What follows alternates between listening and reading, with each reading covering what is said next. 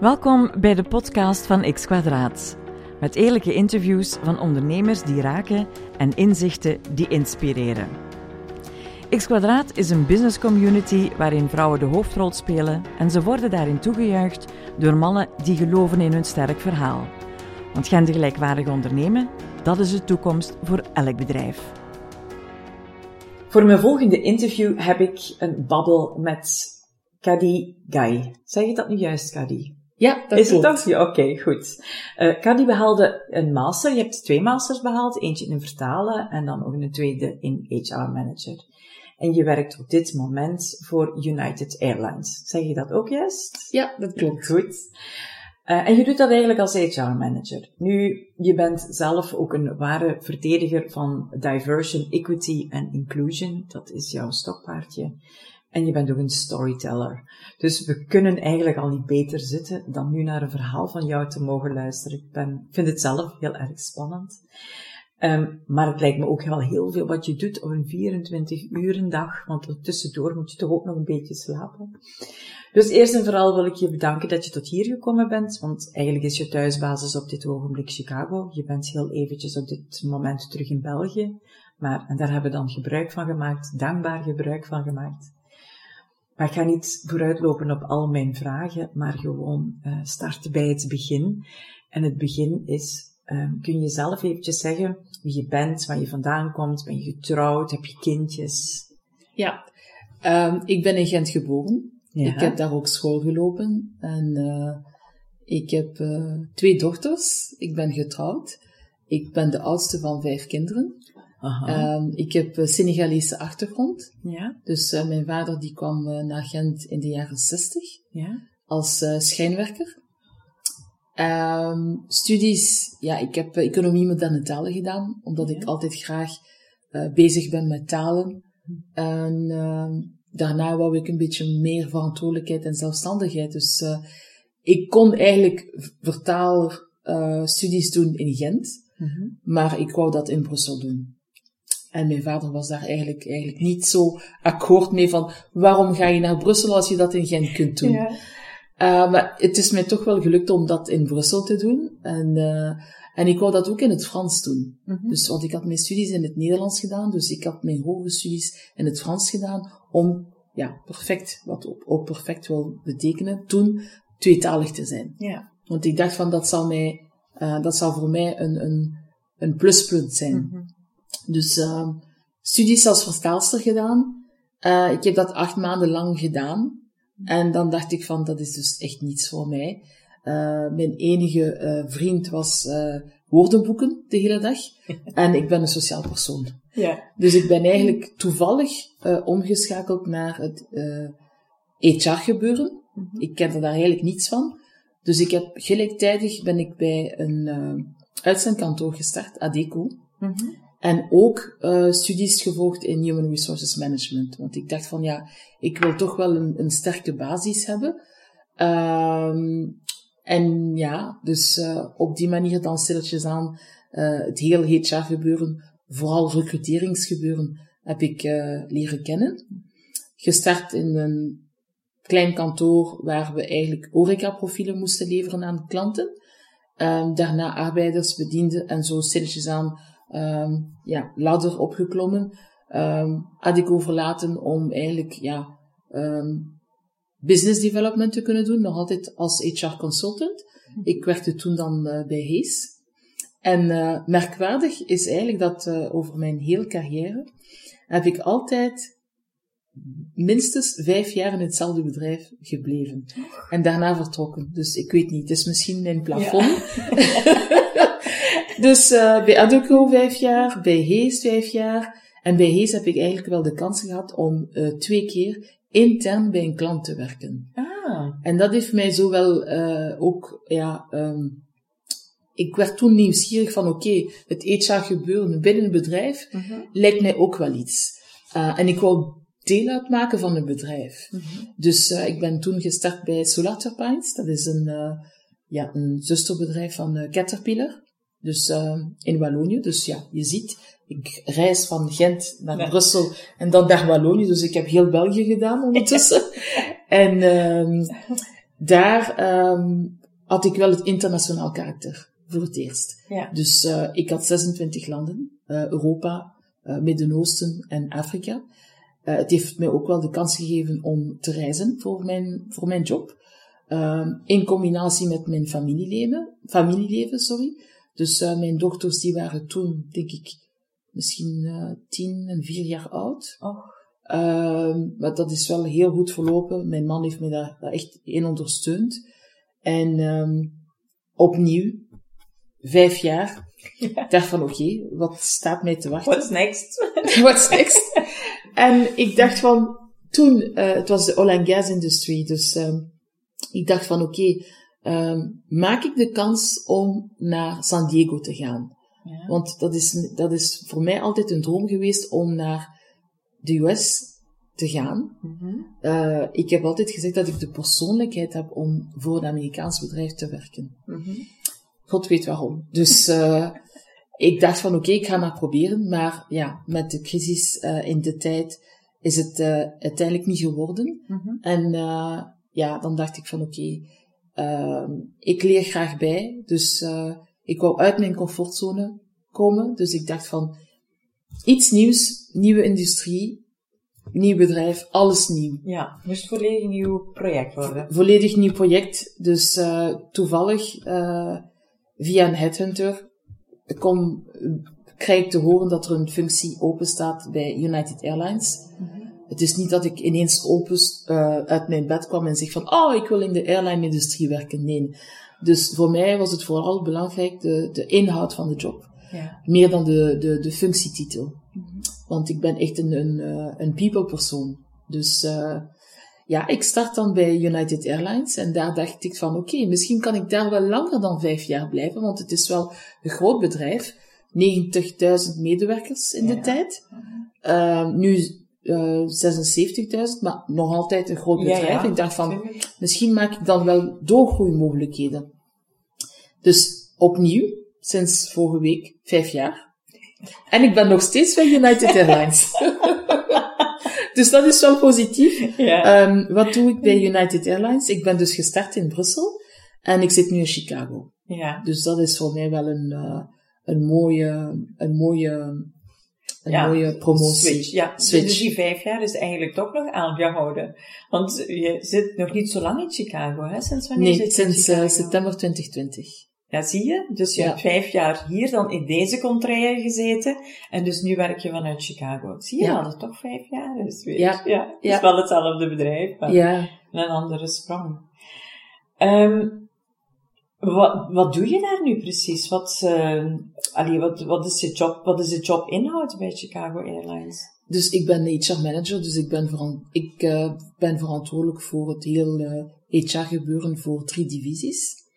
En die, die drie divisies uh, die behoren tot de commercial, het com commercial division van United Airlines. Dus Ja. ik heb domestic network planning, revenue management en cargo divisie. Dus dat zijn wel grote divisies binnen United die worden beschouwd als heel strategisch binnen de organisatie.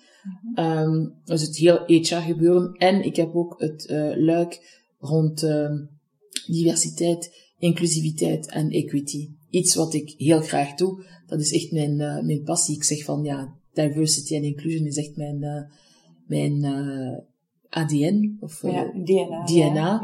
Ja. sinds ik geboren ben. Dus ja, het, het, kan misschien merkwaardig klinken van oké, okay, je hebt hier iemand die in, in Gent geboren is en die gaat eigenlijk naar de States om um, te, te praten en, en, en um, een, een bedrijf te gaan ondersteunen in diversiteit, inclusion en equity. Maar ja. Ja, het is zo. Het is zo. Ja. Het is zo.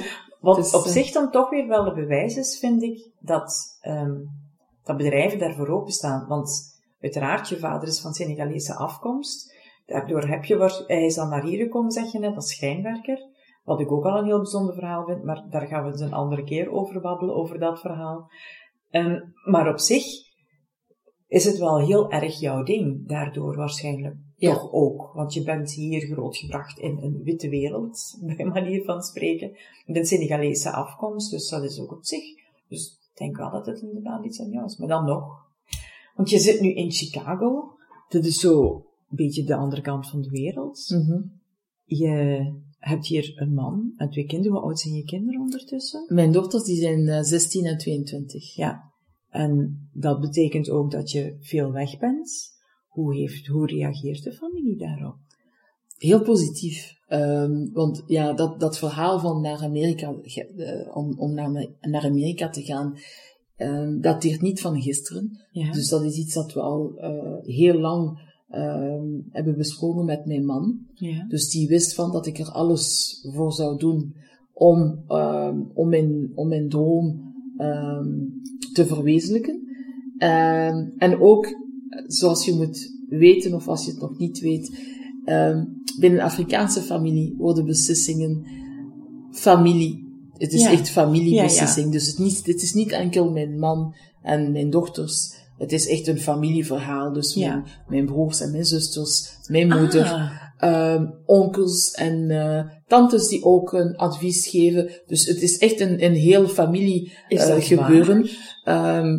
Heel veel respect van eh, Ja. advies dat je krijgt van, eh, van familie. En iedereen heeft mij daarin ondersteund. oh, maar dat is geweldig. Dus dat, is, eh, dat, dat heeft mij echt ehm, heel veel energie gegeven. Van ik ga ervoor. ja. En ik heb, eh, ja, ik heb een En mijn club. familie staat Mijn achter familie mij. staat achter. Ik heb een club die mij ondersteunt. Ehm, en ja, tot nu toe natuurlijk, toen dat we die beslissing hadden genomen, was dat allemaal voor corona eh, gebeuren. Dus ik dacht van, ja, ik werk in de airline. Ik, zal wel, ik zal wel af en toe kunnen terugkomen op regelmatige basis. Ja, dat is allemaal niet ter sprake. Ik ben eh, in december twee weken teruggekomen. Ja. En nu ehm, is het de tweede keer dat ik terugkom na vier maanden. Dus vier maanden was wel lang. Maar technologie eh, zorgt er wel voor dat we elkaar dagelijks aan de lijn hebben. Het is natuurlijk anders. Ehm, de afstandsrelatie eh, heeft zijn voor- en nadelen. Mhm. Maar tot nu toe, ik Is moet het- eerlijk Is zeggen, de balans positief? de balans is heel positief. Mijn dochters, als ik, eh, als ik ze nu zie, die zijn echt, eh, ja, die zijn, die worden volwassenen, die zijn empowered. Ik vind, ik vind ze Ja. gewoon fantastisch. De relaties zijn ook verbeterd. Ja. Zowel met mezelf als met mijn man. Ehm, ik heb urenlang gespr- telefoongesprekken met mijn man. Iets wat ik in normale omstandigheden hier in België, we hebben daar gewoon de tijd niet voor. Nee. Dus nu zit ik met hem uren aan telefoon en we hebben filosofische gesprekken. Dus eh, ja, Ja. het is eh, tot nu toe heel positief. Het is eigenlijk helemaal verrijkend. Op Ja. alle vlakken. Ja, En voor jezelf. ja, Maar ook de manier waarop dat je je familie beleeft. ja. Zalig gewoon. Dus eh, ik vind niet, ja, ik kan mijn rol als, als moeder ehm, Net zo goed opnemen. net zo Op goed deze opnemen. manier op dan deze wanneer manier je- dan, ja, Moest je 24 uur op 4, 7, 24 hier zijn. Ja. Bij manier van spreken. Misschien nog beter. Ik bedoel, de quality time is misschien zelfs dan beter. Ik heb, eh, ja, ik heb mijn eh, me, myself and I time tijd. Ik heb eh, mijn, mijn, mijn, mijn tijd dat ik mij ten volle kan, mijn familie kan besteden. Ja. En, en, en de tijd voor, voor, voor mijn werk. En eh, ja, Ja. ik kan dat allemaal combineren. Eigenlijk vind ik het geweldig. Daar kunnen we nog wat van leren, allemaal. Vooral het feit dat je zegt dat het een familiegebeuren is. Dat je je, allee, je echte familie, niet alleen de mensen die je mee samenwoont, Ja. maar die hele familie daarmee. Vind ik geweldig. Daar kunnen we echt nog wat van leren, hoor. Nu, waarom was het dan noodzakelijk dat je toch fysiek naar daar ging? Want zoals je al zegt, technologie brengt de wereld sowieso korter bij elkaar. Waarom vroeg die jobinhoud dan dat je kinder veel zou zijn? Ik denk, cool, wel, ehm, ik heb toen, denk januari, februari 2020, eh, het visumproces afgerond. Ja? Ehm, en toen, ja, corona ehm breekt uit en dan krijg ik een telefoon eh, van, ja, Kadi, we weten niet als je nog naar Chicago, naar Chicago zou kunnen gaan. Laten we de situatie herbekijken in juli, augustus. Ja. Dat is dan ook gebeurd. En dan vroeg eh, de managing director HR mij van, ja, wil je nog komen? Mhm. En in 30 seconden heb ik ja gezegd. Ik zeg van, ja, corona is toch overal? Het is, een, Ja. het is globaal. En ik had zoiets van, ik wil fysiek in de US aanwezig zijn, Omdat dat een andere um, ervaring is dan gewoon uh, remote work vanuit België. Ja. Het is, het is niet alleen maar het werken in Chicago, maar het is ook het leven in Chicago. Mm Um, en ja, ik ben nu momenteel mijn netwerk aan het opbouwen, zowel in mijn vriendenkring, maar ook in het uh, diversiteitsgebeuren in Chicago en binnen de US. Mhm. En het is gewoon gemakkelijker als ik daar ter plaatse aanwezig ben. Mhm. Nu ben ik in België aanwezig, maar ik werk wel op US schedule. Dus ik start om twee uur, drie uur in de namiddag tot laat in de avond. Dus dan is eigenlijk de, de, de familie, uh, kwaliteitsleven een beetje minder tijdens de week. Want ja, Ja, mijn, kinderen en mijn mannen die, die zitten op een andere tijdzone. Uh, maar dan, ja, weekend is dan perfect in orde. Dus, Ja. um, en op jouw vraag van, waarom kon ik dat hier niet doen? Ik denk ook van, um, ik had toen gevraagd van, wat zijn de andere mogelijkheden, Mhm. doorgroeimogelijkheden voor mij Mhm. in Europa? Mhm. En die waren beperkt. Dus om, om te kunnen doorgroeien binnen de organisatie, was eigenlijk de enige optie om naar Chicago te gaan. Ja. Dus ik had zoiets van, oké, dan doe ik het gewoon. Ja. En ik herinner mij dat ik uh, in mijn vriendenkring hier uh, mensen hadden die mij zeiden van, Caddy, je bent zot. Hier heb je, um, heb je de, de sociale wetgeving, uh, je bent beschermd. In Chicago, ja, dan kan je zo uh, op 24 uur worden ontslaan. En ik heb gezegd van, kijk, ik doe het gewoon. En uh, voor mij, ik, ik focus op wat ik kan controleren.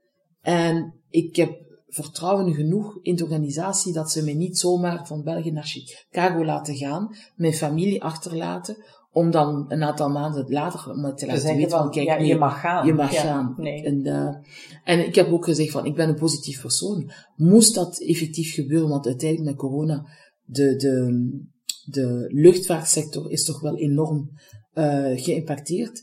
Het kan nog altijd gebeuren. Dan heb Ja. ik zoiets van, ik ga er gewoon ten volle van genieten. En als het gebeurt, ik ben iemand van, ik zet mijn eieren niet allemaal in dezelfde mand. Mhm. Ik heb een plan B, plan C, D, E tot Z. En ja, we zien wel. Ja, met alle respect, je bent nog jong, hè? Bedoel, je kunt nog alle kanten uit. nu, op een zeker moment, je hebt dan uh, talen gestudeerd, maar je bent dan doorgegaan ook in HR. Waarom is het HR geworden en waarom is, is het niet talen geworden? Want ik weet dat je vloeiend Frans spreekt. Je spreekt uiteraard schitterend Nederlands. Ik heb ook al podcasts van jou gehoord, dus je spreekt ook vloeiend Engels. Er zijn misschien nog talen die, die je beheerst. Waarom, aangezien dat dat ook een liefde van je is, waarom dan niet die kant? En was het woordenboeken, want met talen, ik weet, je zegt in het begin, ja, woordenboeken, dat was mijn ding niet, maar met talen kun je ook sociale dingen doen. Taal is zeer verbindend. Waarom dan toch HR? Um, ik, zeg altijd van het HR, human, we spreken van human resources. Ja. Voor mij gaat het om human relations. Ja. Um, en ik denk, als je nu denkt aan het hele corona gebeuren, waar um, de mensen die uh, van thuis uit konden werken, je wordt ineens uh, geïsoleerd. Je hebt geen contacten meer met mensen. Uh, voor mij is het people first. Mhm. Altijd geweest. Um, ik vind dat heel belangrijk.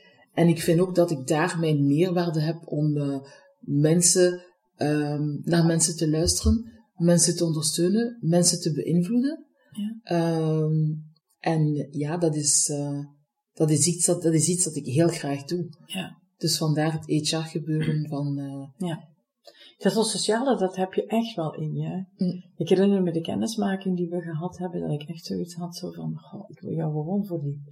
Je, ja, je voelt dat gewoon. Je bent echt zo'n mensenmens. Het is ongelooflijk. Ja, zo ben je echt. Ik, ik gebruik altijd het woord, en ik heb getracht om dat te vertalen in de andere talen die ik, die ik spreek, maar het is me nog altijd niet gelukt. Dus enkel het Nederlands, mensenkennis. Ja, ja, het is zo.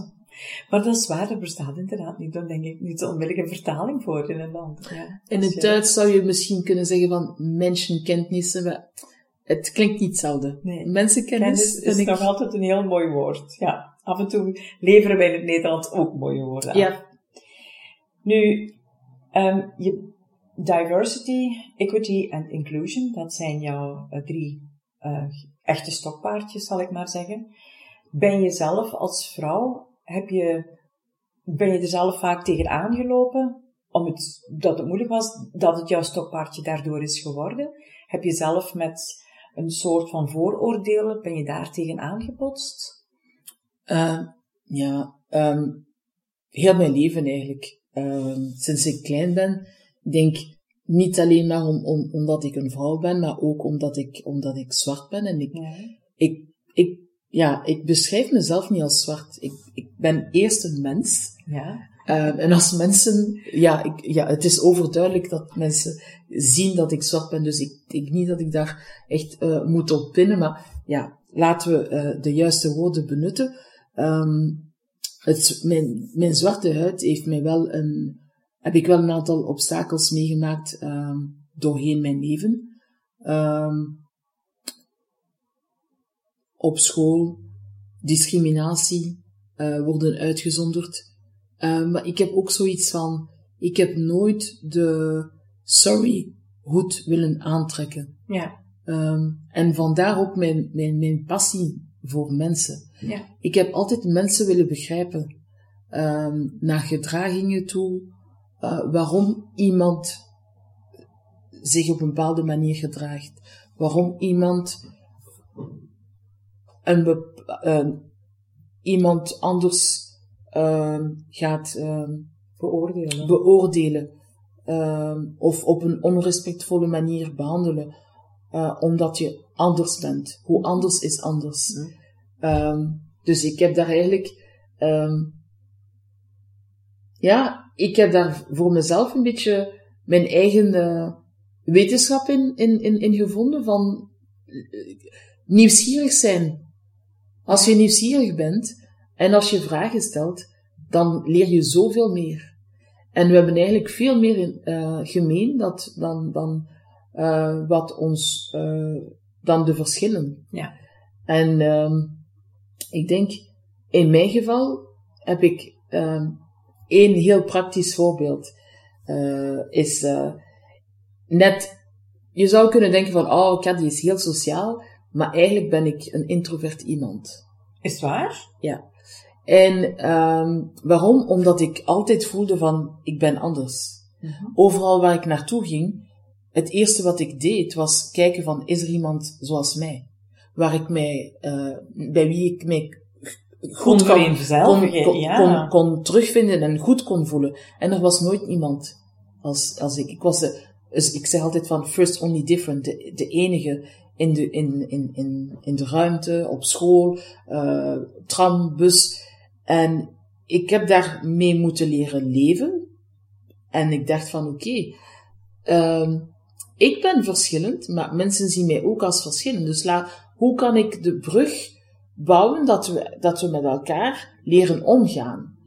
En um, één voorbeeld is van, na verloop van tijd, hè, toen ik uh, in het beroepsleven, netwerk. Ja. Dat was ook iets voor mij, uh, heel moeilijk.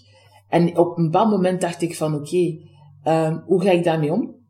Als er toen voor de corona netwerkevenementen waren, dan, dan ging ik gewoon binnen in de ruimte en ik deed alsof ik de host was. En ik ging iedereen begroeten. Want meestal als je naar een netwerkevenement gaat, dan heb je de neiging, de natuurlijke neiging om bij de mensen te gaan die je kent. Je gaat niet naar de mensen die je niet kent. En ik deed net het omgekeerde. Ik, ik begroette gewoon iedereen. En als er mensen waren, na, na verloop van tijd heb je sowieso altijd je, je cirkel en je kring. Maar dan zei ik tegen de mensen die ik kende van, alles goed? Ik zie jullie aan het einde van het evenement. En ik ga naar mensen die ik niet ken. Schitterend. Dus dat was een manier om eigenlijk ja. mijn, uh, mijn vrees van het onbekende ja. te, te, ja, te verwijderen of te, te reduceren. Ja, te overwinnen. Ja. Te overwinnen. En ik ja. denk dat, moest iedereen dat doen van, meestal het onbekende is ofwel vrees, ofwel dat je het gewoon niet weet, ignorance. Ja. Dus hoe ga je dat overwinnen? Ja. Dat was mijn manier om, die, om dat te overwinnen. En ik vind het schitterend. Het is mij altijd wel gelukt. Ja, daar, daar twijfel ik nu geen moment aan. En ook, ja, wat ook positief was voor mij, door het feit dat ik de enige, meestal zwarte was in de ruimte, kon niemand mij vergeten. Dus dat was ook een, een unieke. Ja, absoluut, ja, inderdaad. Ja, ik heb altijd mijn krullen behouden om die reden. Hè. Dus op een zeker moment ben je ook de enige met krullen, zeker als het niet in de mode is. Maar ja, jij had het dan nog iets makkelijker op dat vlak. Dus ze konden jou inderdaad niet vergeten. Want ze konden iedere keer, ja, die zwarte vrouw, ja, dan, er was er maar eentje geweest. Ja. Schitterend gewoon. Hoe dat je dus, ja, tegen een, iets uh, wat eventueel negatief zou zijn, kun je een positieve connotatie aan geven. Vind ik geweldig. Wat vind je voor jezelf dat, wat, wat, de groot, wat, is de, wat is de grootste uitdaging geweest in je leven? Is het dat geweest, dat netwerken? Of wat, heb je nog voor grotere uitdagingen gestaan? Waarvan je zo achteraf iets terug, op terugblikt? Ik denk de grootste uitdaging tot op vandaag is uh, mezelf zijn. Ja. En daar eigenlijk geen compromis over maken. Want we zijn in een, uh, in een, samenleving waar heel veel, heel veel wordt, uh, mensen worden heel snel uh, veroordeeld, ja. in hokjes gezet. Um, you need to fit in. En ik heb zoiets van, nee, ik ben een, een positief disruptor. en ik wil niet fitten. Ik wil mezelf zijn. En ja, na verloop van tijd verlies je wel een aantal mensen. Mm-hmm. Maar dan denk ik van ja, dat zijn misschien mensen die ook niet in mijn vriendenkring behoorden. Um, ik heb ook twee jaar terug een um, persoonlijke um, transformatiecoaching gedaan. Ja. En uh, ook veel over mezelf geleerd. En als je in een, uh, in een bedrijf werkt, ja, dat, dan heel veel, uh, moet, moet ik zeggen, je hebt de geschreven regels en de ongeschreven regels. En uh, ik ben iemand die uh, in mijn communicatie wel heel direct ben, maar wel respectvol. Mm-hmm. Maar uh, ja, what you see is what you get. Dus ik heb zoiets van, uh, mijn grootste uitdaging is altijd mezelf blijven. Ja. ja. Ik denk dat dat voor veel mensen een grote uitdaging is. Ja. Met het ouder worden leer je dat ook. nu, buiten het feit um, dat je zwart bent, is er natuurlijk ook nog het woord gender.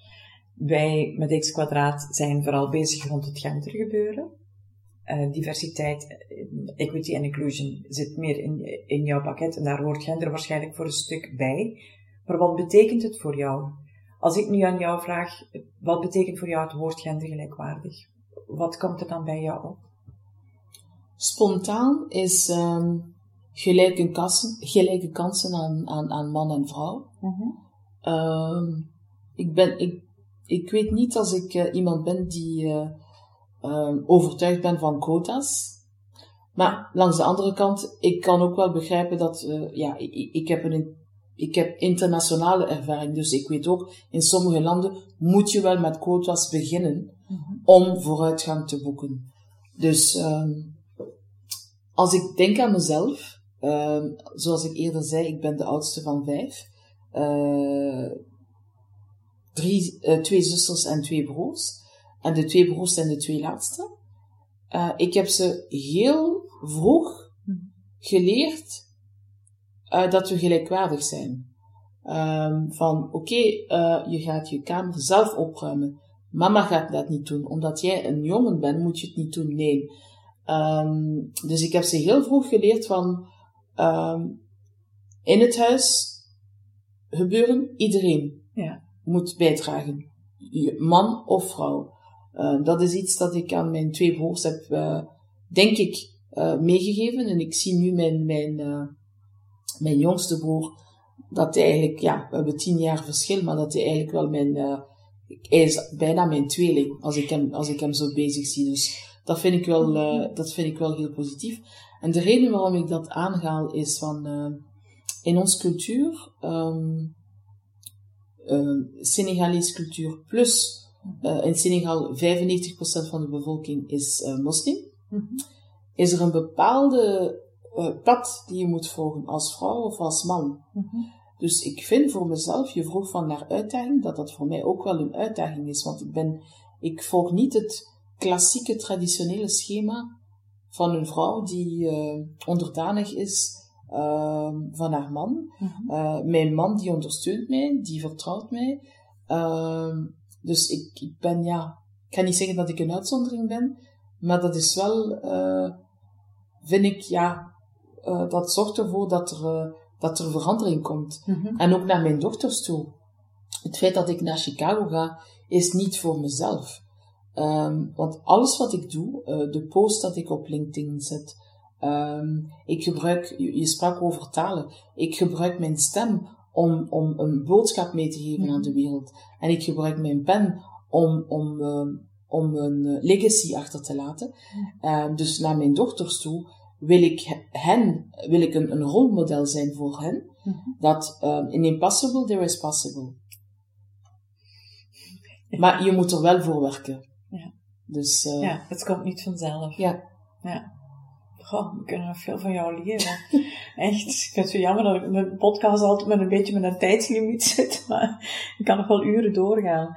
Um, in de, het laatste stukje vraag ik altijd een paar persoonlijke dingen. Uh, om ook een beetje, enfin, je bent wel heel erg open, dus uh, we kennen al een heel groot stuk van de mens die KD is. Maar wat wil je eigenlijk graag worden als kind? Ik wou journalist zijn ah? en advocaat. Oh, nogthans, voor een in, je zegt zelf dat je introvert bent. Ja. Dat zijn wel twee ja. zeer extraverte beroepen. Ja. En ik ben eigenlijk, op mijn, op mijn eigen, heb ik, ben ik een combinatie van de twee. Ja. Omdat ik in mijn functie, ben ik wel mondig. Um, en ik denk wel dat ik communicatievaardig ben. Door het feit dat ik verschillende talen uh, spreek, is dat altijd eigenlijk een icebreaker geweest. Mm -hmm. Om met mensen um, in contact te geraken. Mm -hmm. Dus dat was, uh, dat was uh, mijn manier om journalist te zijn. En dan ook um, het feit dat ik nu um, regelmatig post op social media, is eigenlijk een, uh, een verlenging van, van dat droom van Ja. journalist te zijn. En te spreken over, over toch wel delicate onderwerpen zoals discriminatie, inclusion, exclusion. Uh, er wordt daar heel veel over gesproken, maar de manier waarop dat ik het doe is meer op uh, uh, een vertrekpunt van inspirerend. Ja. Dus mijn eigen ervaring, hoe heb ik eigenlijk elke adversiteit omgezet in een opportuniteit Ja. om mezelf te leren kennen, maar ook om anderen uh, daarbij te ondersteunen. Mhm. En advocaat, uh, in het HR-gebeuren, uh, ik kan niet tegen onrechtvaardigheid. Ik moet, ik, ik, ik, als ik iets zie of hoor, moet ik voor mensen opkomen. Dus dat is mijn manier om, om Ja. advocaat Ja. te zijn. Fijn. Want in wezen ben je dat wel, hè? Je bent advocaat van diversity, eh, equity en inclusion. Daar ben je echt advocaat van, hè? Vind dat een mooie omschrijving. Dus je kinderdroom toch voor een stukje te waarmaken. Ja. Ja, heerlijk is dat. Ehm, en dan is de laatste vraag altijd, wat spreekt er nog op jouw bucketlist? En dat mag zowel privé zijn als beroepsmatig. Dat maakt niet uit. Maar waar, wat heb je zoiets zo van, ja, dat wil ik nog? Um, ik zou graag global speaker willen zijn. In, Ja? uh, in uh, diversiteit, inclusiviteit en, uh, en equity. Uh, omdat ik vind dat ik, uh, ja, dat ik mensen kan aanspreken. Uh, ik kan mensen inspireren. En uh, ja, ik wil uh, de verandering en de oplossing zijn die we nodig hebben in, in de wereld. Ja, daar wil je nog graag een verschil maken. Ja. Dat is de grootste droom die je hebt. Ja. Goh. Weet je wat? Dat is ook een droom van mij. Ja, misschien kunnen we daar samen aan werken. Ik wou net zeggen. Misschien kunnen we met ons twee nog wel wat dingen bedenken om daar een verschil in te kunnen maken. Um, ja, aan elke goede podcast komt een eind, helaas. Um, ik moet hier ook af, ik moet niet afronden, maar om de tijd een beetje in de gaten te houden. Ik, ik, um, ik weet zeker dat hier een vervolg op komt op dit interview. Ik wil je graag blijven volgen. Dus ik ga je opnieuw uitnodigen, niet morgen. Maar, en dan wil ik het ook hebben over jouw vader. Hoe dat hij hier is geraakt, dat zou ik ook heel graag, dat verhaal wil ik ook heel graag horen. Want dat hoort er beslist bij. Ja, ja heeft een, uh, heel sterke invloed op mijn leven gehad en tot op vandaag. Ja, dat denk ik ook, ja. ja. Dus ontzettend bedankt voor dit eerste interview. Ik ben ervan overtuigd dat heel veel gaan uitkijken naar dat tweede alvast. Ook bedankt dat je in de korte tijd dat je hier in België bent ook nog wat tijd aan ons hebt besteed. Ik weet het enorm te waarderen. Heel erg bedankt. Dankjewel, Vivina, voor de uitnodiging. Het was echt een uh, heel aangenaam gesprek.